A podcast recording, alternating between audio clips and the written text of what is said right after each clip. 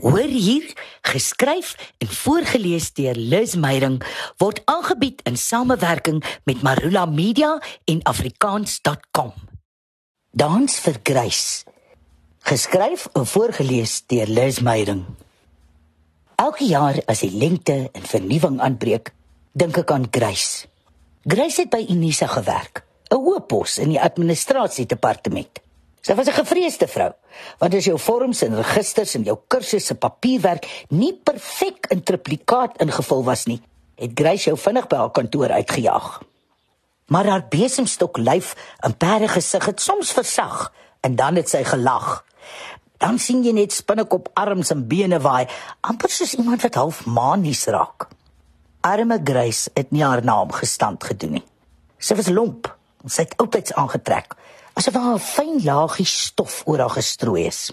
Die 47-jarige ou jong nooi was netjies en goed afgerond, maar koekerig. Die hare was te styf gespuit, die klere formeel en vaal en die skoene net te verantwoordelik om daai reuse voete te verberg. Niemand het veel van Grace se persoonlike lewe geweet nie. Niemand het veel belang gestel nie. Daar was niks uitsonderlik of interessant wat sy volgens hulle tot 'n geselskap kon bydra nie.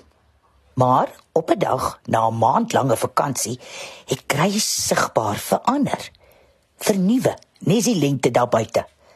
Haar hare was effens losser, die klere effens meer guitig, 'n paar haakskoene, 'n bietjie meer grimering, 'n helderder gelaat. Haar oë het geblink, sy het meer gelag, 'n minder gekla oor ander se slordige papierwerk. Sy het selfs opgehou om haar skuifspelde in geluk te rangskik. Die laagie stof was weg. 'n Nuuskierige kollega het haar versigtig uitgevra. Dis asof Grace nie kon wag om te vertel nie. Sy het geborrel met inligting. sien, het sy verduidelik, sy het by 'n dansskool aangesluit. Een van daai wat jou leer baldans. Sy is nou wel nog in die beginnerklasse, maar sy kan al wals, ramba, samba en cha-cha. En by die danspassies het 'n nuwe sosiale lewe gekom. Daar was selfs 'n loslopende man op die horison. Het sy skaam gerinnik en toe gegiggel. Die man was geskei, haar portier en het sy eie loodgietersonderneming besit. Sy naam is Norman sê sy. En uit haar handsak flits sy vinnige foto van hulle twee saam by 'n Arthur Murray klas.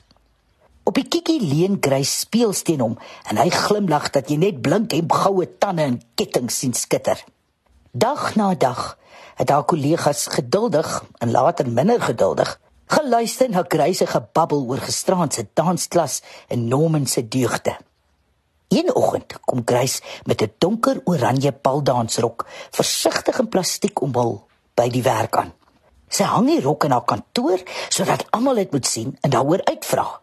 Dan wys sy ook haar goue dansskoene en vertel: Vanaand is daar 'n lengte geselligheid by die dansskool en Norman het haar uiteindelik gevra om sy date vir die geleentheid te wees.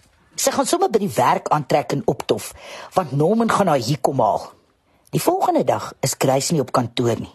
Almal bespiegel oor hul eerste koppie tee oor watter wulpse dinge die arme besadigde Grace laasnag aangevang het. Skielik hoor hulle bloedstollende gil uit die damestoilette. Die hele 5de verdieping storm om te gaan kyk wat die paniek veroorsaak het. Die groot spieël bo die wasbak is gebreek. 'n Stuk glas is uitgebreek. 'n Rooi spoor loop na een van die toilette. Eers sien 'n mens 'n paar reuse voete in goue skoene, dan vis net kouse en verderop 'n lenige figuur in 'n bloedbevlekte donker oranje balrok. Langs haar een pols lê 'n stuk spieël met lipstifie is daar opgeskryf. Hy het nooit gekom nie. Afrikaans is so lekker soos koeksisters, braaibroodjies en kondensmelk koffie. Dit is jou taal. Dit is wie jy is en hoe jy leef. Daarom nooi ons jou. Kom skryf saam aan die toekoms van Afrikaans. Vir gratis leerhulp, taalnuus, vermaak, speletjies en meer. Besoek www.afrikaans.com en volg ons op sosiale media koop dit, lees dit, praat dit, leef dit. afrikaans.com. Jou tuiste vir alles oor Afrikaans.